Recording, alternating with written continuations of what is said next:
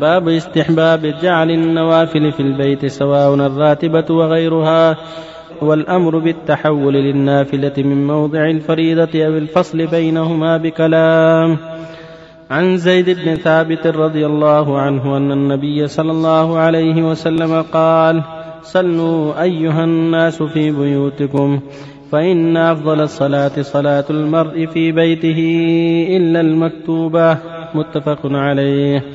وعن ابن عمر رضي الله عنهما عن النبي صلى الله عليه وسلم قال اجعلوا من صلاتكم في بيوتكم ولا تتخذوها قبورا. متفق عليه.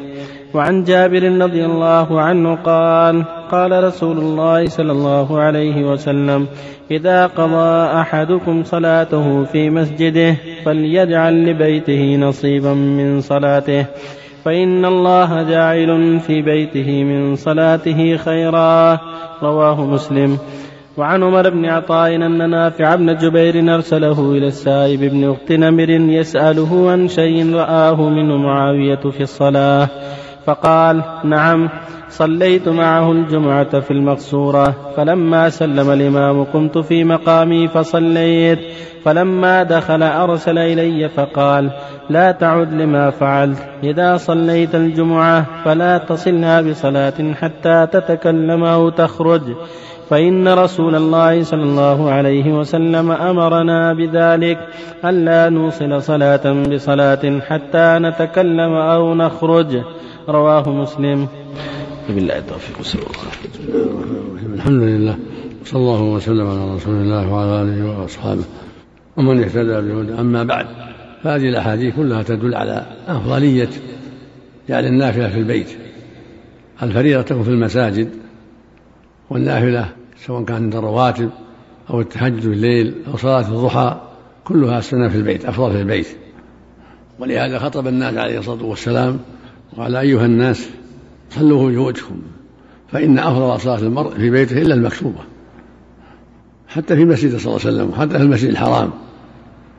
أفضل صلاة المرء في بيته إلا المكتوبة ولو كان في مكة ولو كان في المدينة لأن الرسول خطبهم في المدينة في مسجده عليه الصلاة والسلام.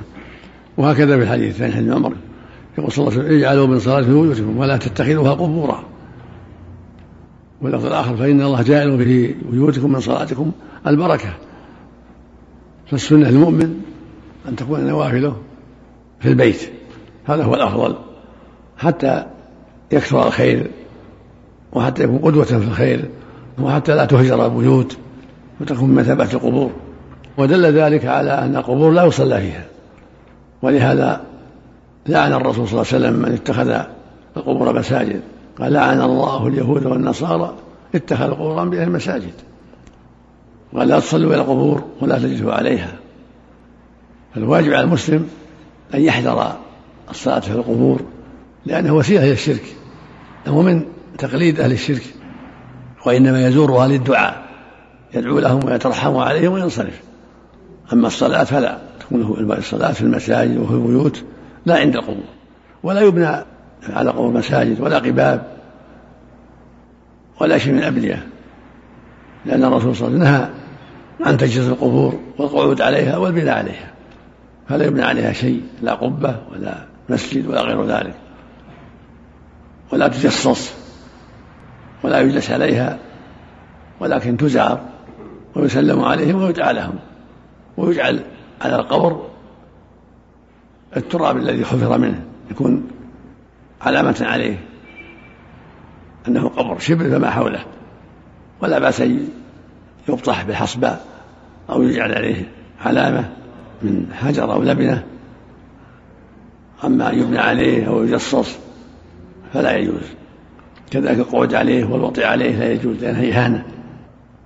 حديث معاوية كذلك النبي صلى الله عليه وسلم نهى أن توصل صلاته بصلاة حتى يتكلم المصلي أو يخرج إذا سلم من فريضة ما يقوم يصلي النافلة في الحال. لا يجلس. ويستغفر الله اللهم أنت السلام. يأتي بالأذكار الشرعية. إذا سلم من الفريضة يقول أستغفر الله أستغفر الله أستغفر الله. اللهم أنت السلام ومنك السلام. تباركت يا ذا الجلال والإكرام. لا إله إلا الله وحده لا شريك له. له ملكه وله الحمد وهو على كل شيء قدير. والأفضل يكررها ثلاثا. ثم يقول لا حول ولا قوة إلا بالله. لا إله إلا الله ولا نعبد إلا إياه. له النعمة وله الفضل وله الثناء الحسن. لا إله إلا الله مخلصين له الدين ولو كره الكافرون. اللهم لا مانع لما أعطيت ولا معطي لما منعت ولا ينفع ذا الجد منك الجد. ويزيد في الفجر والمغرب. لا إله وحده لا شريك له ملكه وله الحمد. يحيي ويميته على كل شيء عشر مرات في الفجر والمغرب. زيادة. لا إله إلا الله وحده لا شريك له له ملكه وله الحمد. يحيي ويميت وهو على كل شيء قدير. ثم بعد هذا يقول سبحان الله والحمد لله والله أكبر ثلاث ثلاثين مرة ويختم المئة بقوله لا إله إلا وحده لا شريك له ملكه وله الحمد وهو على كل شيء قدير. ثم يقرأ آية الكرسي الله لا إله إلا هو الحي القيوم. ثم قل هو الله أحد المعوذتين. هذا هو السؤال الأفضل. وفي المغرب والفجر يكرر من السورة ثلاث مرات. قل هو الله المعوذتين يكررها ثلاث مرات بعد المغرب وبعد الفجر. كل هذا جاءت في السنة لكن النوافل تكون في البيت. أما أنه يسلم ويقوم يصلي لا. يفصل. يفصل بينهما بالخروج يخرج إلى بيته أو إلى مكان آخر أو يأتي بالذكر قبل أن حتى تفصل صلاة من الصلاة تفصل الفريضة من النافلة. وفق الله الجميع. إليك.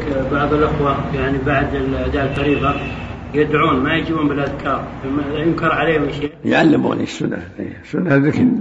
السنة الذكر الذي جاء عن الرسول صلى الله عليه وسلم. أما تجمعهم على الدعاء أو رفع أصواتهم بالدعاء جماعي جماعة صلاة الجماعي هذا خلاف السنة بل بدعة. إنما يذكر الله كل واحد يذكر الله بنفسه على ما جاء في الشريعة كما سمعتم. صلى الله إليك وصل الصلاة في الصلاة محرم؟ وصل الصلاة في الصلاة ما يجوز لأن الرسول نهى عن هذا مثل ما أخبر معاوية. كونه يسلم ويقوم ما يقول أستغفر الله ولا يذكر الله ولا يتكلم شيء إذا خرج من المسجد قبل أن يسبح هل ممكن يرجع مرة ثانية أو يسبح؟ لا لا لا لا, لا حرج عليه لا حرج. كلها نافلة كلها نافلة.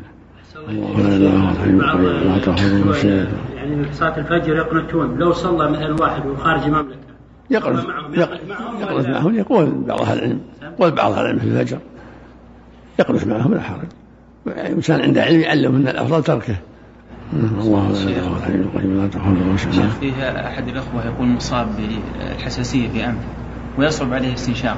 يقول فهل لي أني ابل أصابعي بالماء وادخلهم في الأنف يكفي؟ إذا كان يألمه يتيمم ولا يعرض الماء. لا ممكن يعني يدخل كان يضره الماء. ممكن يدخل بأصابعه لا الماء ما ينفع. لابد الاستنشاق بالماء.